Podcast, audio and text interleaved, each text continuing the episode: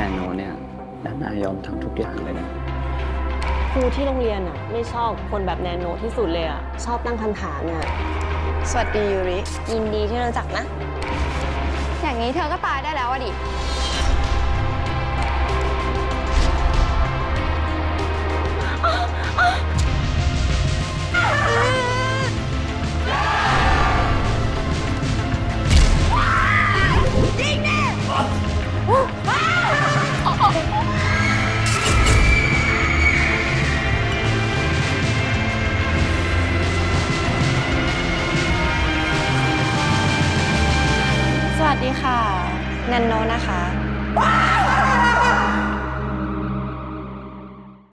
Sawadikap.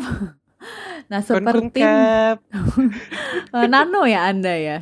Lebih ke nano-nano sih daripada nano ya. Manis asam Ya. asin ya. Enak rasanya ya. Oh, tapi ini nggak sponsor ya. Kita sorry banget ya. Ya, tuh boleh Tapi- loh kalau mau masuk mah Iya, boleh. tapi nano-nano boleh sih kalau mau kontak Emang kita ya ada ya? siapa.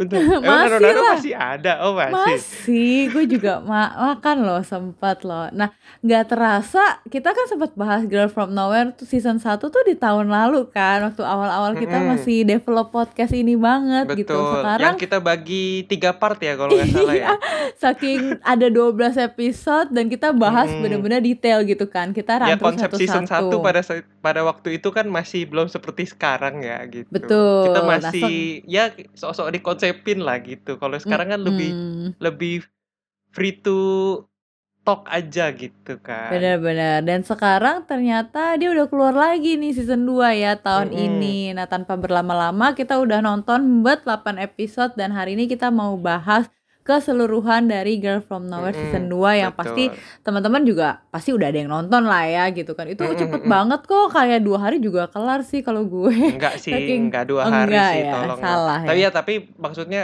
kan memang penonton juga berbagai macam tipe gitu kan. Ada yang binge watch Mm-mm. kayak lu, ada yang mingguan kayak gua gitu, tahan-tahan seminggu, dua minggu gitu kan. Mm-mm. Nah, sebenarnya kehadiran Nano di season 2 ini mm, nggak terlepas hampir sama gitu ya peran dia itu untuk eh, men-trigger nafsu-nafsu atau naluri-naluri eh, orang orang-orang pada umumnya gitu loh untuk kayak menjerumuskan. Tapi yang berbeda sebenarnya di sini ada kehadiran sosok baru ya, Pak ya.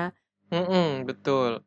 Yang namanya Yuri. Iya, Ya kan? Yuri gitu. Yang awalnya kita pikir ya memang sebenarnya kita nggak nyangka sih. Maksudnya Yuri ini ternyata ya sosok yang bener-bener ada di kehidupannya Nano gitu. Maksudnya bukan Hmm. tadinya kan kita kita mikir siapa sih Yuri ini?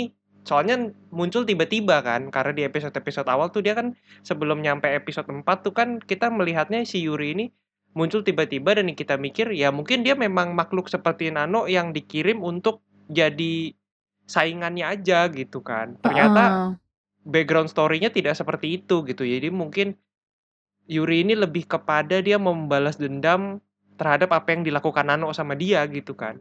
Tapi kan sebenarnya di episode awal kita udah kayak dikasih hintnya gitu gak sih di episode 2 ya sebenarnya yang di endingnya itu kan dia akhirnya match sama satu tokoh gitu kan yang pakai pita merah Mm-mm. itu ya kita cuma dikasihin gitu sih sampai eh, dia show up di episode 3 ya di episode yang mini and the four bodies itu Mm-mm, baru betul. kelihatan baru di episode 4 kita dijelasin kayak background story-nya tentang oh sosok ini tuh datangnya dari mana gitu biar kita nggak penasaran Mm-mm, karena mm-mm. gua sempet penasaran juga sih eh, soal itu gitu nah pas di episode 1 sendiri kan sebenarnya itu kehadiran Nano dan ceritanya tuh gue sempat mikir gini wah gila akhirnya dia membalaskan dendam atau karma ke orangnya tuh tepat gitu loh. Kayak kayak baru kali ini gak sih? Yang mana nih? yang episode 1 yang pregnant pregnant.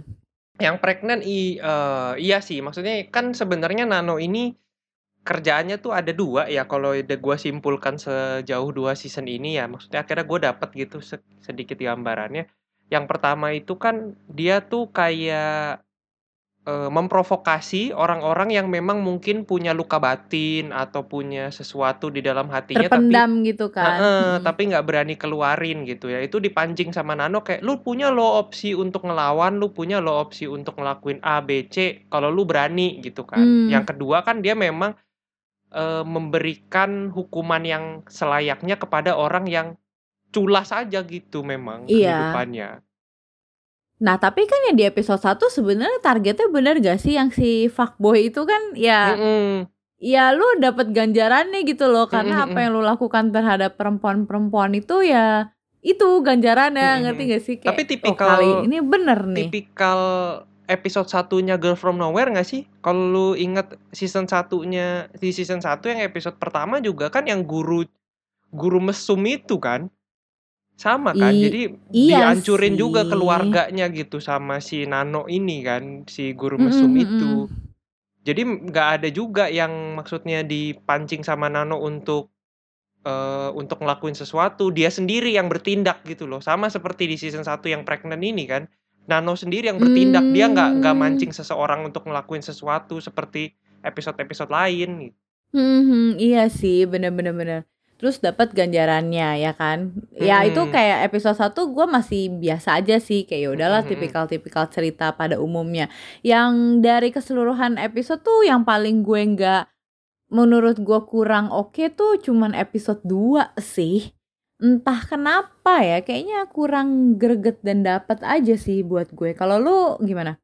Ben- bentar bentar Eh gue sih gue tadinya berharap lu membahas episode 1 lebih panjang sebenarnya Oh gitu. Karena buat gue episode 1 ini justru jadi salah satu episode yang paling gua nggak suka gitu Oh ya, kenapa? karena Kenapa? eh, Kenapa? terlepas dari ya kita nggak tahu ya maksudnya gimana ya kita kan nggak tahu ya sebenarnya si Nano ini tuh sosok apa sih makhluk apa gitu loh dan eh, dia tuh sebenarnya punya kemampuan apa tapi bisa tiba-tiba membuat seorang laki-laki hamil itu Mm-mm. meskipun ingin memberikan pelajaran tapi ya menurut gua nggak masuk akal gitu loh kayak kalau di season se- pertama gitu misalkan kita melihat Mm-mm. Nano yang dibunuh terus hidup lagi dibunuh hidup lagi ya udahlah karena ini nanonya gitu kan memang makhluk Hmm, makhluk astral. astralnya iya, iya. gitu Mm, iya mm, mm.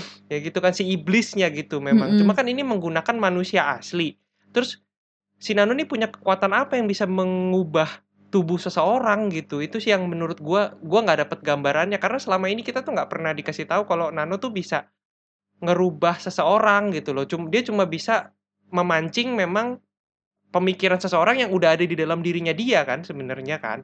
Diprovokasi dihasut-hasut Hmm. sama Nano untuk ngelakuin sesuatu. Tapi kan kalau yang pregnant ini literally tubuhnya si cowok itu si Nai-Nai itu kan si dirubah gitu sama Nano Hmm. anggapannya. Hmm, jadi hmm, bisa hamil gitu. Itu yang menurut gua aneh sih.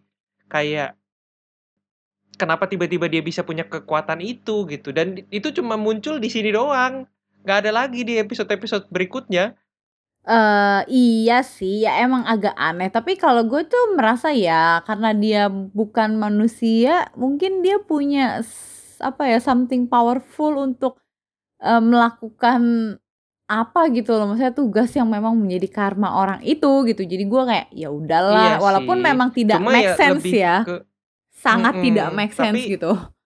buat gua karena cuma ada satu episode yang seperti ini dari semua dua season menurut gua gua nggak inget sih maksudnya nggak tahu deh lu inget nggak ada episode yang seperti ini lagi nggak yang memang Nano tuh merubah tubuh seseorang atau sesuatu yang bener-bener internal dari orang itu tuh ini organ fisik yang kita ngomong ya itu dirubah Ah. gitu sama Nano gue sih nggak inget ada gitu Nggak ada sih, emang benar kata pola lu pikir ya. ya. Biasa kan yang dia menghasut pola pikir gitu kan Mm-mm. atau hasrat-hasrat seseorang gitu. Cuma kalau memang tubuh fisik seseorang dirubah tuh ini doang. Jadi gua kayak kurang gitu karena ya cuma di sini doang si Nano mengeluarkan kemampuan itu gitu loh. Dan kenapa tiba-tiba dia bisa punya kemampuan itu selama satu season sebelumnya 8 episode tuh kita nggak pernah tahu Nano punya kemampuan ini tiba-tiba punya.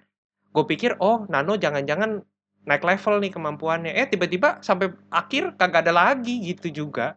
Hmm, tapi kalau gue juga kalau gue di episode 1 ini lebih ngelihat ke message-nya aja sih bahwa ya itu karma yang lo harus terima jadi dia Iya, juga ngerasain gitu loh lebih sih. kayak itu doang sih cuman apa yang lo bilang memang sangat tidak make sense ke nalar ya even though dia memang bukan Mm-mm. manusia tapi lebih Kecuali powerful gitu Ke depan ke depannya gitu di episode-episode berikutnya ada lagi dikasih yang sejenis-sejenis ini gitu. Mm-mm. Ya gue jadi jadi bisa menerima gitu. Oh memang Mm. berarti kemampuan Nano ada yang selama ini belum dipakai gitulah anggapannya. Tapi Mm-mm. nggak ada lagi gitu, cuma si pregnant ini doang kan. Iya iya, yang lain nggak ada sih. Yang lain kan either dia doang atau ya itu mengubah pemikiran orang sih. Udah itu doang. Mm-mm.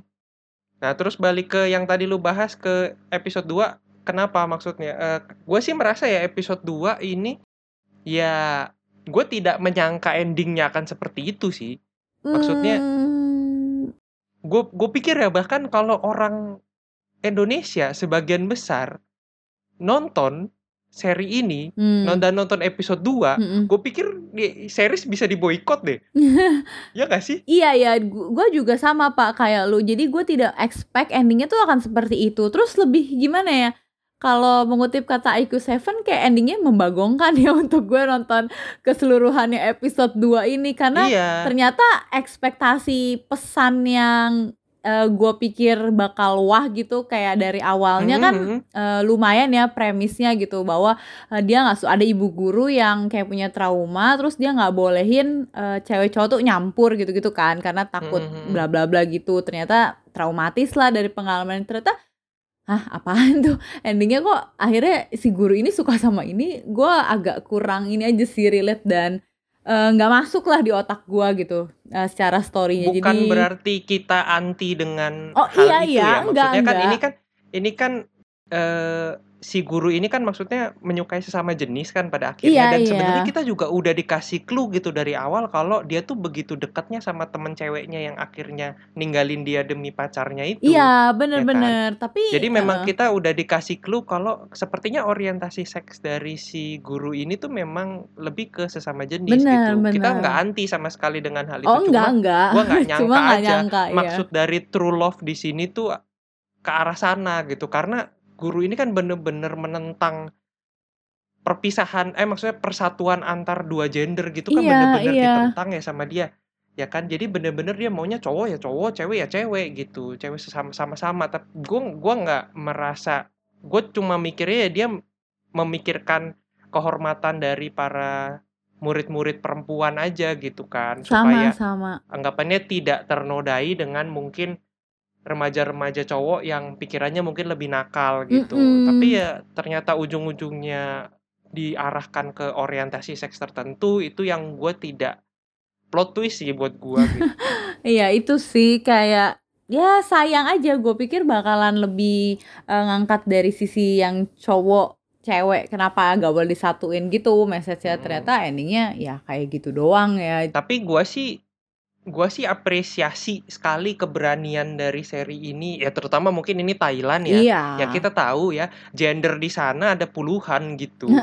ya kan banyak sekali non binary-nya gitu nggak cuma male and female seperti kita gitu kan. Jadi gue sih apresiasi mereka berani banget nurunin episode ini ke dunia internasional gitu sih menurut gua karena ya sensitif sekali gitu endingnya menurut gua. Mm-mm, mm-mm. Tapi ya jadi salah satu episode yang gua nggak terlalu suka aja sih Ya yang mungkin dua iya ini. itu jadinya tidak bisa diterima oleh semua orang gitu kan mungkin.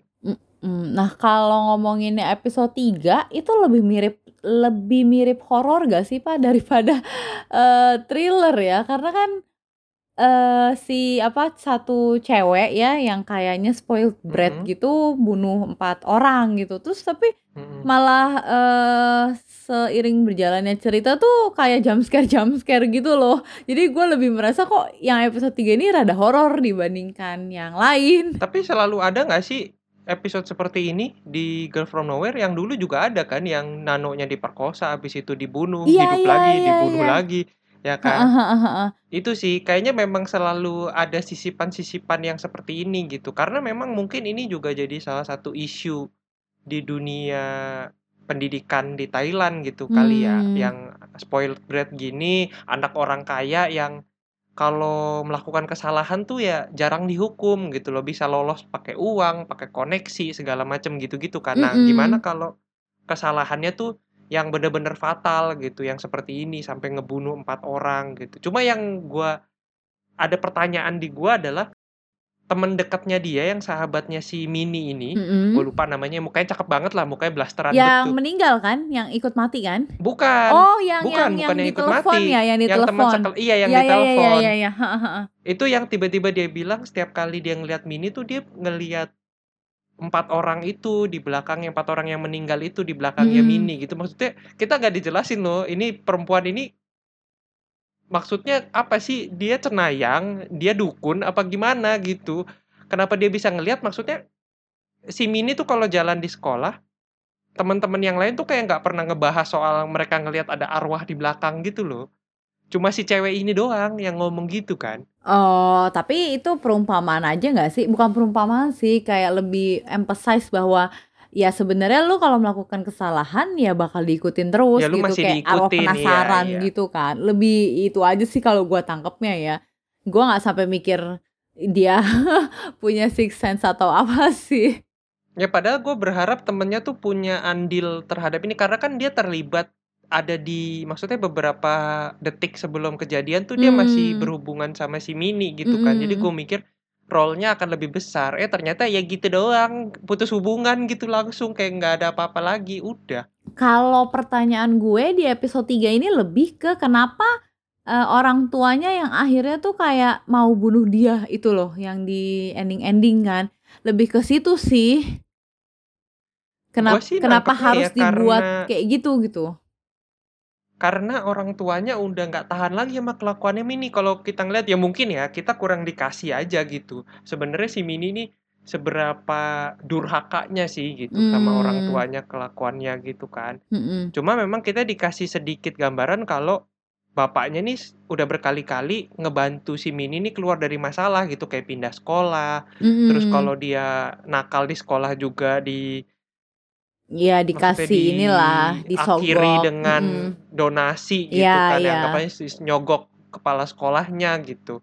Ya maksudnya itu bukan sekali dua kali dan ini kan ngebunuh orang ya sampai di titik seperti itu gitu. Kalau mungkin kenakalan-kenakalan biasa kayak nyontek, minum-minum segala macam mungkin orang tuanya masih merem-merem gitu ditutupin. Cuma kalau udah ngebunuh orang kan bener-bener merusak nama baik keluarga dan mungkin juga perusahaan bapaknya gitu kan. Mm. Menurut gue nangkapnya di situ sih yang kayaknya gue udah nggak bisa nih nge-handle nih anak gitu udah nggak bisa ngelindungin dia lagi gitu Nah tapi yang anehnya gue tuh sempat berpikir oh kayaknya bapaknya ini bakal nutupin eksiden ini gitu kan ternyata pas diwawancara udah kan? sama di wartawan awal di mereka- awal-awal udah kan ditutupin kan? Tapi kan tetap ngaku kan bahwa ya tapi maksudnya tetap ke blow up gitu bahwa anaknya yang nabrak tapi ya cuma nggak sengaja karena remnya blong dan segala macam gue pikir bener-bener kayak totally menurut gue ditutupin gitu loh. nggak bisa nggak bisa ditutup 100% karena di momen kecelakaan itu kan sudah banyak wartawan gitu yang nge-shoot. Dan itu Hmm. sepertinya gue nangkapnya adalah siaran itu tuh live gitu loh yang diwawancarain di on the spot itu loh si bapaknya Mm-mm. yang dia bilang nggak ada alkohol gitu dia Mm-mm. bilang kan. Itu tuh gue nangkapnya itu adalah berita siaran langsung gitu. Jadi ya udah nggak bisa diapa-apain lagi. Semua orang tahu ada kecelakaan itu. Jadi mau nggak mau kayaknya harus diakalin supaya nutup aja gitu. Maksudnya berkurang deh gitu eh, kesalahannya si Mini gini. Cuma karena kecelakaannya sendiri tuh udah di, udah ketahuan dunia luas lah gitu kan Nah, di sini tuh kita dihadirkan sosok Yuri ya untuk pertama kali kita ngeliat nih Mm-mm. beneran nggak cuma sekedar pita merah Bener. ya kan. Tapi langsung dimatiin loh si Mini-nya kan sama si Yuri kayak dia tuh rada gila deh kalau ngambil keputusan. Tapi kan memang Yuri tuh gimana ya?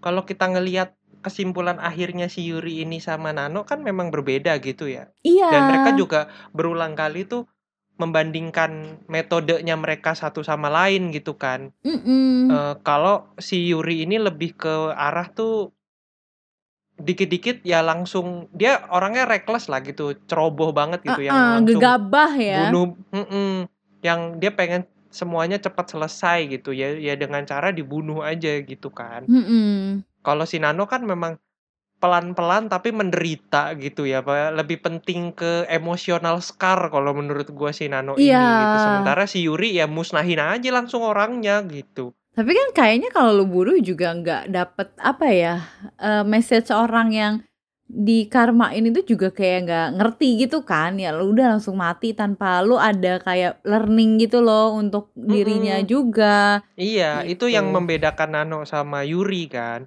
Yang gue nangkepnya ya karena si Yuri ini basisnya kalau Nano kan memang datang untuk memberikan pelajaran ke orang-orang culas dan juga orang-orang jahat lah di dunia gitu kan. Kalau si Yuri kan memang hadir karena gimana di dalam ha- hatinya Yuri tuh ya balas dendam, balas dendam aja terus gitu. Iya karena karena karena kan dasarnya dari, emang dari situ. Iya karena kan emang di yang episode 4 juga gitu kan ternyata backgroundnya ya dia tuh ya digituin gitu loh sama temen-temen Mm-mm. yang bukan temen-temen real juga gitu kan jadi eh, dari dalam dirinya tuh udah ada kayak amarah-amarah yang bergejolak Mm-mm. gitu loh jadi ya Ya bawaannya apalagi setelah dendam-dendam kita tahu kalau si Yuri ini sebenarnya kan udah menyusun rencana yang mateng banget gitu untuk menunggu momen yang tepat ngebalas dua temennya itu kan yang selalu memperbudak dia kan. Eh Mm-mm. tiba-tiba Nano muncul ngerusak semuanya. Terus Nano, gue nangkepnya sih Nano di episode 4 ini ya, dia Mm-mm. terlalu judgmental gitu sama kondisinya Yuri. Jadi Hmm. kayak dia mikirnya Yuri tuh kok lu pasrah banget sih diperbudak sama dua temen lu, kok lu kayak gini, kok kayak padahal intensinya Yuri itu kan sebenarnya gue diem-diem biar mereka lengah, nggak curiga sama gua, habis baru itu gua gua masuk gitu habisin. kan Heeh, Heeh. tapi si Nano kan menganggap kayak, nah mulai dari sini nih menurut gua, Nano tuh mulai ada momen-momen yang menurut gua dia judgmental gitu. Udah nggak Hmm. udah nggak selama yang kita tahu selama ini kalau Nano tuh kayak mungkin dia riset dulu ngelihat orangnya seperti apa sih, dipancing nih bisa nggak, dipancing itu bisa nggak gitu kan. Terus baru dia menentukan gua harus ngehukum orang seperti ini seperti apa gitu. Nah kalau Hmm. Yuri nih dari awal si Nano udah udah judging aja gitu kalau ya Yuri ini orang lemah yang diperbudak dan dia nggak mau berbuat apa-apa gitu. Iya Itu ya, padahal dia gua. nunggu timing yang tepat, tapi dia tetap Mm-mm. mati gitu kan. Nah, menurut lu dia, gue tuh baca di ba- berbagai sumber ya, kalau misalnya eh, apa orang yang minum atau kena darah nano tuh jadi immortal juga kayak si Yuri ini, dia kan Nah pas itu mati kan ditenggelamin darahnya gitu kan. Nah, itu makanya hidup sumbernya lagi itu gue baca sih itu maksudnya dari sumbernya dari mana? Maksudnya sumber. bukan bukan sumber dari mana? Mereka punya pendapat seperti itu tuh dari mana? Karena kita nggak Nah, dapat clue sama iya. sekali soal darah mendarah ini loh. Iya sama-sama gue baca di eh, komen YouTube gitu kan orang-orang pada Mm-mm. komen gitu terus gue kayak perasaan gue kok nggak apa gue yang miss gitu ya kayaknya gue nggak pernah dapet eh facts tentang ini gitu loh Mm-mm. karena Tapi bisa gua eh, bantah teori itu. Karena kalau lu inget ya di momen aduh yang mana ya? Kayaknya yang ini deh, episode 6 deh. Kita skip iya dulu episode yang 6 sedikit ya. ada yang ada Yang itu na- kan yang muncrat Nano ke es krim ya Iya Ah. betul. Yang muncul ke SM itu berarti tuh cowok jadi immortal Nah, dong. Iya kan, bener tuh. makanya kayak apa maksudnya apa gue yang miss tapi itu kayak terlalu random aja sih. Nah, gue nggak tahu Mm-mm, mm-mm. eh maksudnya orang yang komen itu tuh dapat ide atau facts itu tuh dari mana gitu loh datanya. Menurut gua mungkin dia orang si sumber ini ya mungkin eh, mengambil kesimpulan seperti itu karena ya mungkin yang paling masuk akal di mana si Yuri bisa bangkit lagi itu ya dari sana gitu. Hmm. Kalau menurut gua untuk kondisi yang seperti Nano yang kita juga tahu dia sepertinya anak iblis gitu kan, anak Lucifer gitulah. Mm-mm. Ya sudah tidak bisa dipakai yang terlalu masuk akal banget metodenya. Jadi ya mungkin memang Yuri ini dibangkitkan oleh iblis lain gitu ya untuk kayaknya si Nano udah terlalu overpower deh. Kayaknya dia butuh seseorang untuk menjadi kompetisinya dia gitu. Hmm. Itu mungkin Yuri dibangkitin itu karena ya punya alasan gitu loh untuk dendam sama Nano gitu. Kalau yang sebelum-sebelumnya kan ya udah emosi, kesel tapi ya kayak mereka posisinya salah gitu loh. Masalah Iya, si Yuri ini iya. kan kondisinya korban. Mm-mm. Korban duluan kan. Dia memang menyusun menyusun menyusun terus kondisinya ternyata dirusak gitu sama si Nano gitu kan. Jadi belum sempet jadi apa belum sempet jadi pelaku gitu. Udah dirusak sampai di titik yang mungkin ya dia sudah bingung banget gitu dan udah sempat merasa menang eh ternyata dua algojonya itu ngebunuh dia juga gitu. Itu sih yang gua nggak nyangka ini dual gojo ini disuruh siapa sih? Nah. Kan berarti mereka nggak bisa dapat duit lagi ya kalau si Yuri Nah mati ya? iya itu gue juga bingung itu kayaknya Algojo yang dekat apartemen atau rumah susunnya si Yuri kan tapi kok ujung-ujungnya pas gue Mm-mm. eh lo lo lo lo kok bunuh dia juga eh gimana sih nih ceritanya gue jadi bingung Ya bisa jadi mungkin Algojo Pengen- ini udah dibayar iya mahal banget sama Nano juga gitu kan. Karena Nano sudah tahu mungkin endingnya sepertinya bakal kayak gini. Maksudnya si Yuri tuh someday mungkin bakal ngebunuh kedua temennya gitu. Mm-mm, mm-mm. Bisa jadi. Cuma kan memang kita nggak dapet jadinya ya open ending gitu menurut Iya, gua. jadi ya udahlah kita asumsiin sendiri aja sih gitu. Tapi dengan adanya satu episode spesial Yuri ini, gua eh, cukup eh, bukan cukup happy ya, maksudnya cukup bersyukur sih. Jadi kita nggak yang nebak-nebak asumsi doang. Bener Jadi bener. ada oh ada datanya, ada menariknya dia- storynya. Dan bersyukurnya kita dia ditaruhnya di tengah Nah, ya. Jadi kita betul. sampai akhir tuh paham gitu loh maksudnya kenapa ujungnya jadi seperti itu Benar, gitu. Kenapa benar. episode 8 tuh jadi kayak gitu gitu kan. Penempatannya pas banget sih kalau menurut gue di episode 4 Mm-mm. ini. Nah, terus kalau untuk episode 5 sebenarnya menurut gue adalah episode yang paling disturbing buat gue sebagai penonton tahu. Kenapa kan ada itu human centipede itu? Iya terus kayak udah human centipede terus udah gitu kayak yang dia dijadiin anjing. Bagi gue tuh memang tidak thriller kayak atau eh, berdarah-darah gitu ya. Cuman eh, disturbing aja gitu Ya, loh. Iya, gitu lah. disturbing banget gitu kan. Eh, yang ini kan sebenarnya ospek-ospek yang eh, salah kaprah gitu ya. salah jalur kan. Ya ospek-ospek yang mungkin sebenarnya di somewhere around the world masih ada gitu masih sampai sekarang kan. masih bahkan mungkin di negara kita pun juga ada kali ya yang kayak gitu-gitu kan Ya, m- ya banyak mungkin masih ada juga. bener gitu yang makan dengan posisi seperti anjing ya ada gitu ya mungkin makanannya bener gitu makanan manusia nasi dan lauk pauk gitu kan cuma makannya pakai mulut langsung gitu ya mungkin ada juga Iya, jadi emang disturbing banget sih dari awal sampai akhir gitu. Awalnya gue pikir eh, pembalasan si Nano terhadap si Kay ya, cowoknya kan namanya ya. Eh, lupa gua iya kayaknya Kaye ini kayaknya ya udah gitu, tapi wow gila ini makin disturbing banget ya. Lama-lama kayak nggak selesai-selesai sampai yang endingnya, eh sampai yang ujungnya dia Mm-mm. dijadiin anjing itu kayak ih gitu loh gue Iya, nontonnya enggak banget. Nah itu kan kita di sini di titik ini kita bener-bener pertama kalinya dikasih lihat metodenya Yuri sama Nano tuh segitu bedanya gitu. Heeh. Di mana si Nano itu kan lebih kayak menjadikan si Kay ini anjing, terus dia seperti mancing-mancing kemarahan temen-temennya si dia dengan ngomong si Kay ini ngelepasin anjing kesayangan kita loh si senior laki itu Eh, kan. heeh. Nah terus dia juga kayak eh, ngomong, kok lu berani megang-megang pantat senior lu kayak Mm-mm. gitu-gitu kan. Jadi dia lebih ke membebankan rasa guilty gitu kepada si Kay gitu kan. Jadi memang lebih ke Mental ngasih sih. burden aja, mm, Mm-mm. lebih ke ngarahin ke mental. Tapi sementara si Yuri ini kan ngomong si Kay kabur nih, kejar semua tangkep. Kalau ada yang bisa nge apa Mukul ya, bunuh dia atau bunuh. mukul dia, nanti dapat hadiah gitu kan langsung langsung Iya fisikal gitu loh hardcore hukumannya. bener-bener.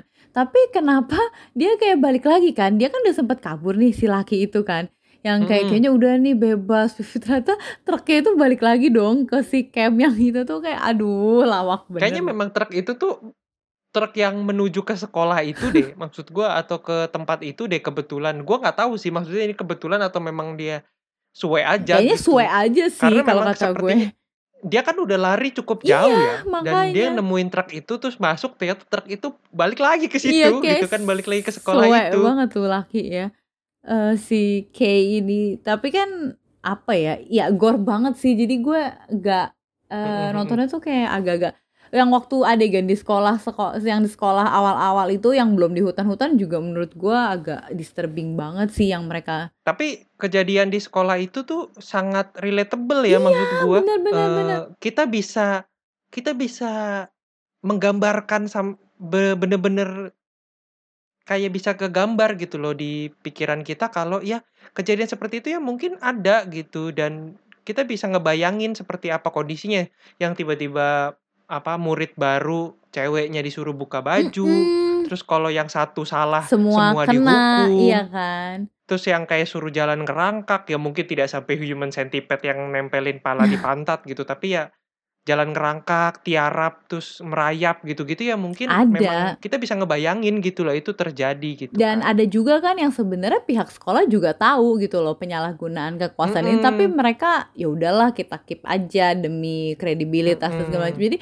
itu super relatable sih ke mungkin berarti semua negara tuh ada ya penyalahgunaan ospek begini. Iya, jadi memang sepertinya ospek seperti ini tuh ya gue juga nonton seri-series yang Europe, yang Amerika Hah. juga pasti ada aja nemu gitu loh momen-momen ospek yang eh, ngehukum secara fisik, terus ngehukum secara mental kayak gitu-gitu tuh yang tapi yang menurut gue di luar batas juga banyak ya. Jadi memang sepertinya kondisi seperti ini tuh wajar sekali gitu di kehidupan manusia gitu. Mm-mm, bener bener bener bener. Nah, untuk episode 7 eh 6 ya. 6 itu kan yang liberation dulu, yang ya. hitam putih ya. Mm-mm, yang hitam putih, terus kok agak tiga banding empat ya, Iya iya ininya agak TV tabung apa itu eh, ukurannya. iya eh, framingnya juga beda. Nah itu juga sebenarnya kan eh ya untuk menabrak kayak conventional things gitu nggak sih Mm-mm, rules rules yang Benar, ternyata benar. udah lama dan ternyata yang buat rules itu yang melanggar juga. Iya, ya maksudnya itu bener-bener kayak menggambarkan dunia kita nggak sih sebenarnya, Mm-mm. yang kita tuh dikasih aturan-aturan di kehidupan kita kalau nggak boleh gini, nggak boleh gitu, terus ada orang satu orang yang beda, itu ya yang langsung dihujat satu sekolah gitu. Kalau mungkin kita dihujat satu dunia gitu kan, mm-mm. yang langsung dijudge gitu sama netizen gitu Ya kan. iya. terus di, dihukum, terus dikucilkan kayak gitu-gitu. Dan kayak ini bener-bener mengingatkan gue sama istilah sekedar mengingatkan gitu loh. Kalau di kita di seri, apa episode ini yang gitu yang di mana gurunya tuh selalu ngulang-ngulangin kayak lu harus ngikutin ini, lu harus ngikutin aturan Sekedar ini, aturan itu penting buat tuh segala macam gitu. Sekedar mengingatkan gitu kan. Tapi pada akhirnya ya mereka juga ngelakuin hal itu maksudnya tergoda gitu untuk ngelanggar. Iya, jadi kalau ini sih gue ibaratkan kayak revolusi gitu nggak sih? Kayak ada pasti ada satu orang yang Mm-mm. ingin breakthrough dari rules yang sudah Iya. sangat lama, terus Benar, tapi benar. pasti ada yang ngejagal gitu kan. Lalu ada Bener. juga yang revolusi mental iya, gitu ya. lalu ada juga yang udah nyaman gitulah karena takut kan. Jadi udahlah gue diem-diem baik gitu daripada gue eh, kenapa-napa nih gitu. Jadi Mm-mm. lebih kayak gitu Mm-mm. sih. Cuman yang gue bingung Mm-mm. kenapa ternyata kan pas keluar itu masih abu-abu kan hitam putih tuh yang di ending Mm-mm. Ya itu, itu yang ternyata kayaknya gua gua nangkepnya adalah begitu lu keluar dari stereotip atau komunitas tertentu, ya dunia luar nyata gitu juga ya abu-abu gitu. juga gitu Tidak kan Iya, tidak seberbeda itu ternyata dunia luar gitu. Iya, Tapi ini ini tuh di mom- momen episode gua agak semi-semi lupa di episode pertama kali kita ngelihat 4 nano muncul secara bersamaan bukan sih? iya iya yang ada rambut ungu yang bibir merah. Yang ada mulut lidahnya dicabut, dicabut iya yang iya ada lipstick, bener bener bener. Yang pokoknya sama berbeda-beda yang deh. satu lagi norm, yang satu lagi yang ketusuk itu kan tiang bendera. eh, eh, eh, itu iuh banget Cuma deh. meskipun itu ya, yang tiang bendera itu jasadnya Nano tuh bener-bener jelek banget menurut gua. Itu kelihatan boneka banget gak sih? iya ya. Tapi kan cuma ditampilin juga sekejap gitu doang pak Iya, cuma maksudnya ya ampun segitunya nggak kelihatan manusia gitu Heeh. menurut gua. dan lagi-lagi di sini Yuri pun juga versus Nano kelihatan banget ya eh, metodenya tetap Mm-mm. Ya Met Yuri yang langsung pokoknya ya konfrontasi aja gitu ke Mm-mm. si guru itu sementara kan Nano kan mau nyebarin eh, gosip-gosip tentang si guru itu supaya dia malu dulu gitu Mm-mm. kan. Terus supaya dia mungkin ketakutan kayak gitu terus merasa bersalah lebih ke sana tapi Yuri langsung ya pokoknya langsung langsung kita hukum gitu. Lagi-lagi dibuktikan di sini kalau metodenya Yuri tuh tidak tepat gitu kan Mm-mm, sebenarnya. Nanti gue akan eh, mau nanya juga pendapat lo, tapi selesai kita run through dua episode lagi deh, secara eh, gambarannya. Hmm, Kalau oke, oke. episode 7 ini gue sebenarnya lebih B aja ya si Jenny X itu karena tipe-tipe cerita gini tuh kita udah dapet di season 1 Kita nggak udah sih Pak? dapet, Iya iya. kan, influencer, baru terus Tapi kalau di sini gue somehow lebih kasihan sih kenapa Nano segitunya ya sama Jenny ya pada endingnya gitu loh. Maksudnya segitunya gimana? Eh, sampai si dia buat orang tuanya kan nggak ngenalin anaknya lagi kan, Hmm. bahkan anaknya tuh jadi Nano gitu loh. Nah itu yang menurut gue kan kan sampai si Jenny bilang apakah gue pantas dapet eh, hukuman yang sampai sebegininya gitu loh. Emang gue Hmm, salah hmm, hmm. apa? Gue juga sempet wondering karena ya dia kayaknya nggak salah-salah banget aja gitu. Salah, menurut gue sih salahnya Kenapa? cukup besar ya, karena Kenapa? eh, Nano itu sudah berkali-kali, seingat Mm-mm. gue nggak cuma sekali dia nanya, lu yakin maksudnya mau Hmm. ngelakuin hal ini? Gue punya metode supaya lu bisa terlepas dari orang tua lu, tapi lu yakin nggak? Maksudnya tapi si Jenny sendiri gitu loh yang memutuskan kalau ya gue nggak butuh orang tua gue dan gue merasa gue bisa hidup sendirian. Bahkan Nano tuh udah ngasih peringatan kalau lu milih keputusan Bakalan itu ini kan udah nggak bisa lu nggak bisa gitu. balik lagi loh ke kehidupan itu. Nah, Nano tuh cuma menunjukkan kenyataan dari kata-kata yang udah dia kasih tahu gitu. Kalau lu udah memutuskan lu Hmm. cabut, ya lu nggak bisa balik lagi. Makanya itu tujuannya kenapa si Nano dari awal ngomong lu pikir yang bener-bener gitu kak. Ka- Ya kalau udah memutuskan A, ya udah lu nggak bisa balik lagi ke B gitu anggapannya. Hmm, tapi kan tetap aja yang disalahin si Nano di ending-ending kan. Nah, Iya. tapi kok dia bisa ya bikin orang tuanya tuh malah nggak ngenalin si Jenny lagi tuh.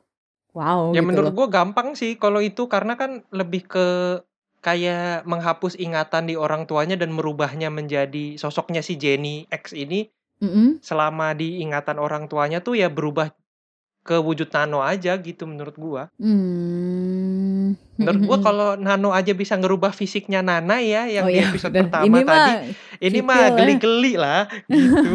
Dia aja bisa berubah jadi empat. Iya sih, tapi eh, premis yang kayak gini tuh udah sering, jadi kita lebih Ya ini kayak umum ya banget ud- sih. umum Maksudnya ya banget gitu loh.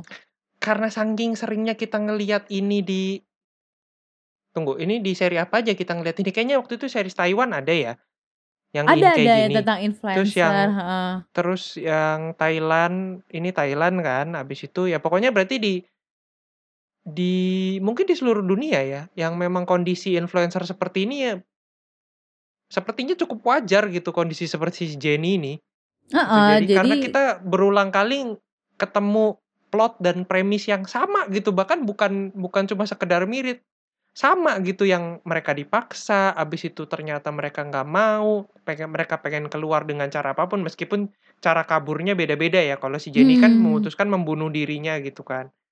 Yang memalsukan kematiannya, ada yang purely yang langsung kabur aja gitu. Terus tapi ada Mhm, juga mhm. yang melakukan cara-cara lain gitu. Mungkin bedanya di situ. Tapi yang seseorang ngelakuin atau jadi influencer di sosial media tanpa atau di luar keinginannya sendiri tuh ternyata Udah banyak. sefamiliar itu atau se semajor itu gitu menurut gua. Karena isu kayak gini ya gitu kata lu sering banget diangkat di beberapa Mm, series. mm, mm.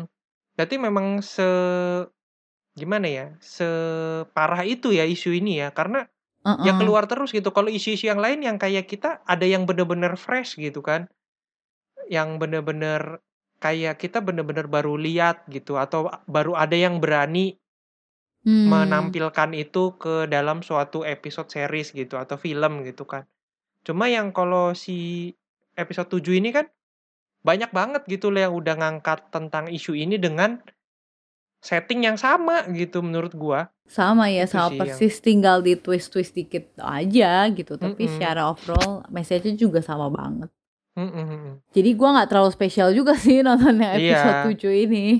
Ya meskipun tetap endingnya kita tidak menyangka kalau pilihan yang diambil sama Nano tuh adalah merubah Iya. memori dari si orang tuanya Jenny gitu kan. Mm, Gue mm, mm. tahu nih someday pasti Jenny menyesal dan pengen balik Pasti, gitu. Apalagi pasti. semenjak semenjak ikut campurnya Yuri ya Again kan ya. dengan manas-manasin Jenny kayak padahal kan awalnya Jenny tuh udah yakin ya kayak ah enak nih freedom segala macam terus terus tiba-tiba Yuri datang ngomong lu yakin Nano tuh orang yang bahaya segala macam orang tua lu tuh ngelakuin hal ini tuh karena begini begini begini terus mulai bimbang gitu kan.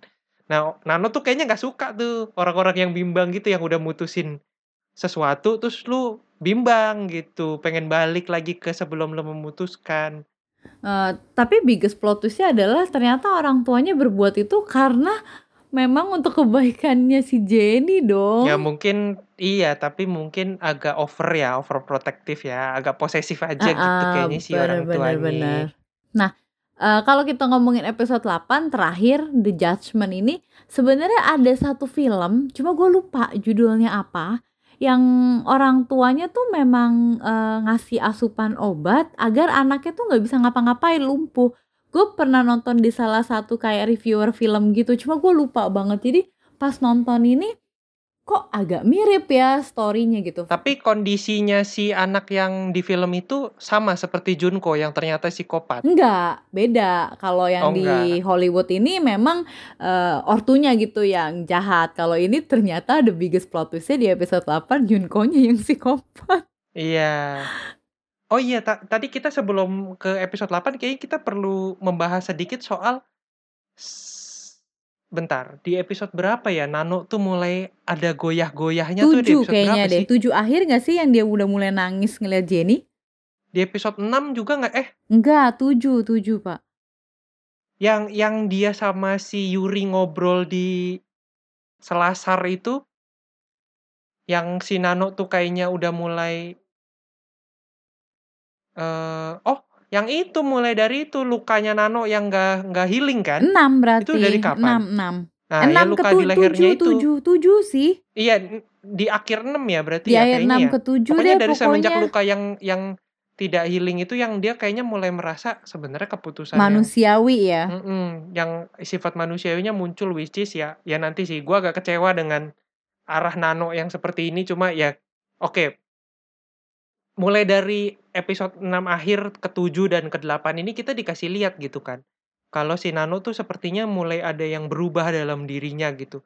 Yang dia mulai meragukan tindakannya yang akhirnya, eee, keabadian dalam tubuhnya juga mulai luntur gitu kan. Mhm. Terus semakin menjadi-jadi di episode 8 yang balik lagi seperti yang gue bilang tadi, dia tuh judgemental banget loh sama si guru ini, guru UKS ini kan. Iya guru KS yang langsung dibilang kan kalau lu tuh jahat, tuh bunuh-bunuhin apa, Mhm, eee, yang dia guru-guru langsung yang curiga lain. ngomong, "Kok guru ini hilang ya? Kok guru itu hilang ya?" Gitu. Terus Ah. dia ngelihat mayatnya di dalam rumahnya Ya si dikasih guru garam ini kan. kan. Ya dikasih Mhm. garam. Yang gue bingung kenapa gue baru pertama kali loh nemu yang ditutup pakai garam gitu, biasanya kan pasir ya kita taunya ya. Iya, biar nggak bau kan. Mhm, ini garam gitu, yang kayak kayaknya mahal gitu garam, kayak bener. Jadi kita tuh sebagai penonton diarahkan bener-bener si guru UKS ini jahat Seperti gitu jahat, kan. iya, karena kita Ternyata ngikutin judgement-nya si Nano gitu. Iya, ternyata enggak dong. Justru anak dia tuh menutupi, eee, anaknya. Cuman memang menurut gue scene yang anaknya sama gurunya main pisau-pisauan itu tuh rada dragging ya. Terus pertempuran Nano versus Yuri banget gitu loh di episode 8 ini dominannya. mhm, mhm, yang lebih kepada Yuri ingin membuktikan kalau caranya dia tuh lebih bener gitu. Cuma Bener, kan heeh. sebenarnya menurut gue caranya Yuri menjadi tepat di The Judgment ini, di episode 8 Mhm. ini, karena Mhm. Ya si Junko memang psikopat gitu. Coba kalau Junko-nya orang normal, gue menurut gue nggak nggak gitu hasil akhirnya. Heeh heeh, kebetulan aja anaknya juga rada ya bukan rada lagi sih, psikopat sih itu anjir. Tapi Kayak gini apa usus temen. pe pertanyaan gue adalah, menurut lu si Junko itu memang dari Mhm. sananya psikopat atau dia Mhm. punya kecenderungan seperti itu setelah dibully? Kalau gue bilang psikopatnya tuh udah by nature gitu sih, Pak. Gen ada gen asik gara-gara kebanyakan nonton Mouse. Kemarin nonton Mouse ini ya? Ya enggak enggak, tapi menurut gue emang udah dari ada gennya gitu. Cuma bullying itu jadi tambah apa ya, triggernya dia untuk mengeluarkan sisi psikopat dia sih, gitu kalau Nah, menurut gue. Kebetulan nih lu lu memancing atau bukan mancing, lu men nyeletuk soal Mouse ya. Karena di Mouse kan kita melihat ya, kalau ternyata garis batas antara psikopat dengan jenius itu setipis itu loh. Iya, bener bener Dan bener kita bener. ngelihat si Junko ini tuh anaknya Jenius pinter banget, banget gitu. Ya heeh. mungkin juga karena dia punya banyak waktu belajar ya, tapi menurut gue dia pinter banget gitu. Juga tidak terlepas Iya, dan mungkin nggak sebenarnya dia ini anak jenius tapi cuma karena dibully jadi kayak gitu? Eee, enggak sih, gue tetap Oh, berpikir kalau dia tuh eh, ada gen psikopat dan kebetulan ya beda tipis sama jenius aja. Iya, oke oke Kalau oke itu oke. kalau gua menangkapnya itu kayak nggak dijelasin gitu kan. Akhirnya si Junko ini juga masih hidup dan ke mana nih? Nah itu jadi pertanyaan gue juga sih di episode terakhir ini. Eh, Apa nanti Junko-nya dia akan masih hidup. Oh bergabung iya, karena sama kan Yuri? sepertinya Iya kan? sepertinya ending di episode 8 ini membuka peluang untuk season 3 ya. Nah Maksudnya kayaknya. kondisi Junko dengan si Yuri yang mungkin bisa jadi main cast atau bisa jadi iblis utamanya di season 3. Wi- Meskipun kita tahu ya, yang immortal ini di sini sepertinya cuma Yuri gitu. Karena Junko tuh kayaknya manusia normal yang psikopat aja gitu kan. Iya dan lemah Maksudnya mau kan. mau dibawa ke mana gitu. Ya kalau ngomong lemah sih enggak karena Junko kan sebenarnya sehat sehat, sehat walafiat ya. Oh iya sih, cuma dikasih obat ya. Mm-mm. Jadi eh menurut gua kalau si main utamanya itu adalah serial killer atau memang orang psikopat manusia biasa itu mau Mm-mm. gimana nih Girl from Nowhere-nya gitu karena kita kan selama ini disajikan anak setan nih gitu kan, anak iblis. Cuma kok arahnya ke sini jadi anak orang gitu. Nah, terus eh, kita agak ngomongin Yuri sedikit ya. Awalnya gue pikir, wah jangan-jangan Yuri ini untuk gantiin Nano gitu kan. Mm-mm, nggak mm-mm. bisa nih, kayaknya gue nggak bakal nonton lagi karena image Nanonya tuh udah sangat melekat banget kan ke si Mm-mm. Cica ini gitu loh. Jadi kalau diganti, pasti kita nggak nggak bisa tune in langsung gitu loh. Terus Mm-mm. akhir dan di episode 8 gue juga udah rada males nonton karena aduh Nanonya mati lagi kan dibunuh gitu kan. Nah, apakah Mm-mm. dia bisa hidup lagi atau enggak ya walaupun dia kayaknya hidup lagi tuh di endingnya ya Mm-mm. Kalau gua sendiri merasa ya justru kalau diarahkannya ke sini seperti yang gue bilang tadi, gue tuh kecewa dengan perkembangannya Nano di season 2 ini. betul gue juga kenapa dia tiba-tiba kita kan sangat respect, bukan respect, sangat kagum dengan sosok Nano karena kemampuan dia untuk menghukum seseorang yang tanpa padang bulu dan juga tanpa emosi gitu. Maksudnya yang dia bisa tiba-tiba lagi nangis bisa ketawa gitu kan. Makanya bahkan di hmm di YouTube tuh ada dua jam ketawa Nano gitu. Yang segitu gue banyaknya dia ketawa gitu. Yang maksudnya dia segitu puasnya kalau ngehukum orang yang salah gitu kan. Tapi di sini tuh dia mulai meragukan dirinya dia. Abis itu kita sudah mulai dikasih lihat kalau kemampuannya Nano mulai lama-lama menghilang gitu sampai di episode 8 tuh bener-bener bisa mati gitu kan. Itu sih yang menurut gua kayak kalau Nano yang sekarang dilanjutkan ke season 3 menurut gua bakal busuk sih. Maksudnya kita jadi hilang respect gitu menurut gua sama Nano. Jadi kehadiran Junko dan Yuri ini jadi masuk akal buat gua. Hmm, bisa developmentnya jadi kurang ya Mm-mm, tapi bisa jadi juga eh, si Nano sendiri yang sebenarnya pura-pura melemah gitu loh. Setelah gue hmm melihat kalau ternyata di ending dia masih hidup ya, berarti kan dia masih punya kemampuan itu dong. Heeh, heeh. Masih punya kemampuan immortalnya itu yang jangan-jangan sebenarnya si Nano aja gitu yang memang mau nyari celah atau hmm prodigy atau mau nyari uh, murid gitu lah anggapannya. hmm Orang yang bisa meneruskan legasinya ya iya legasinya dia gitu. Yang dia jadi supervisor aja gitu yang dari jauh dari ngelihat aja gitu. Gue juga mikir mungkin ke arah sana gitu. Ya kalau lu maksudnya lu mendingan yang mana nih? Mendingan tetap Nano terus kalau ada season 3 atau gimana ini gue gitu? juga mau tanyain ke lu sih lu tim Yuri apa tim Nano sebenarnya Eh, gini lucu nih karena lu, lu nanya gue tim Yuri apa tim Heeh, Nano ya. The problem is begitu gua tahu Nano masih hidup di akhir, gue berubah jadi tim Junko. lah gak ada di pilihan itu ya kenapa Iya, karena pertama ya, gue sangat tidak suka dengan metodenya Yuri. ya itu gue juga Ya kan? nggak suka sih. Gue di awal gue sudah pasti tim Nano gitu kan, karena ya cara dia menghukum seseorang tuh yang bikin gue ada kepuasan gitu lah Mm-mm. pada saat melihat orang itu terhukum gitu kan. Cuma pas ngelihat dia melemah melemah terus mati, gue mikir ah, jadi nggak asik nih Girl from Nowhere gitu. Mm-mm. Nah, tapi begitu kita ngelihat dia sepertinya duduk di atap terus kok sepertinya senang melihat apa yang dia lihat di bawah which is Yuri sama Junko Hmm. terus dengan gaya duduknya yang santai seperti biasa seperti gitu gue menangkapnya yang kayaknya dia lagi nyari murid deh dan kalau murid gue mendingan ngikutin Junko gitu daripada ngikutin Yuri Hmm. Karena Junko tuh cuma ngelukain orang yang jahat sama dia Mm, mm, mm, mm, mm.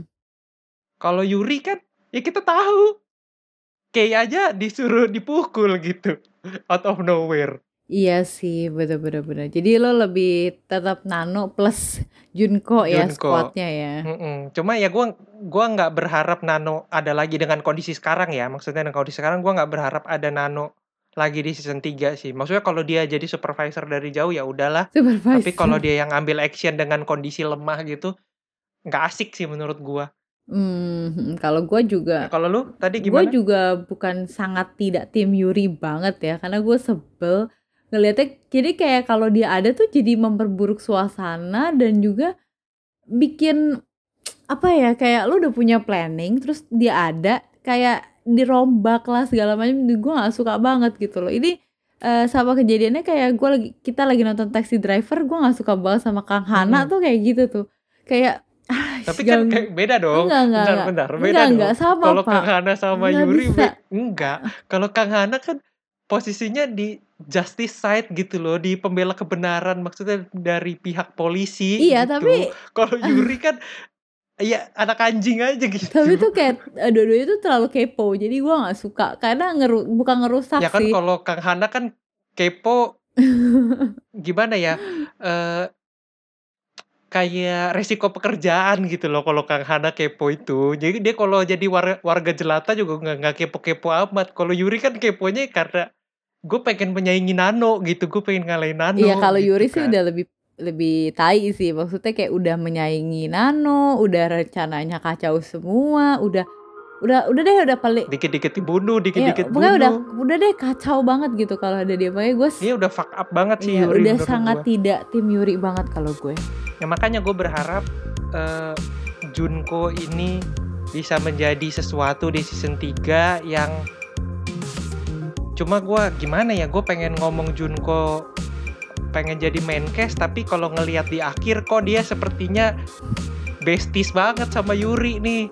Gue jadi takut arahnya jadi ke mana-mana nih kalau ada season 3 gitu yang sangat gue sayangkan. Cuma lagi-lagi gue bilang kalau Nano masih kayak gini bye-bye aja sih menurut gue sama Nano. Ya kita tunggu ya kelanjutannya ini nanti seperti apa gitu apakah ada season 3 lagi dengan ya se hopefully sih menge- tetap mengejutkan dan tetap stabil ya ceritanya. Mm-mm. maksudnya jangan keluar ya karena kan alur juga.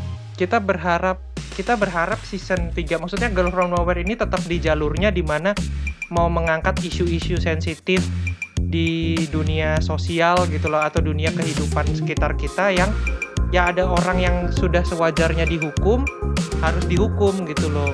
Hmm, bukan kalau kalau dibawa dengan Yuri dan Junko gue takutnya yang mereka jadinya main bunuh-bunuh seenaknya aja gitu. Yang itu yang gue khawatirkan sih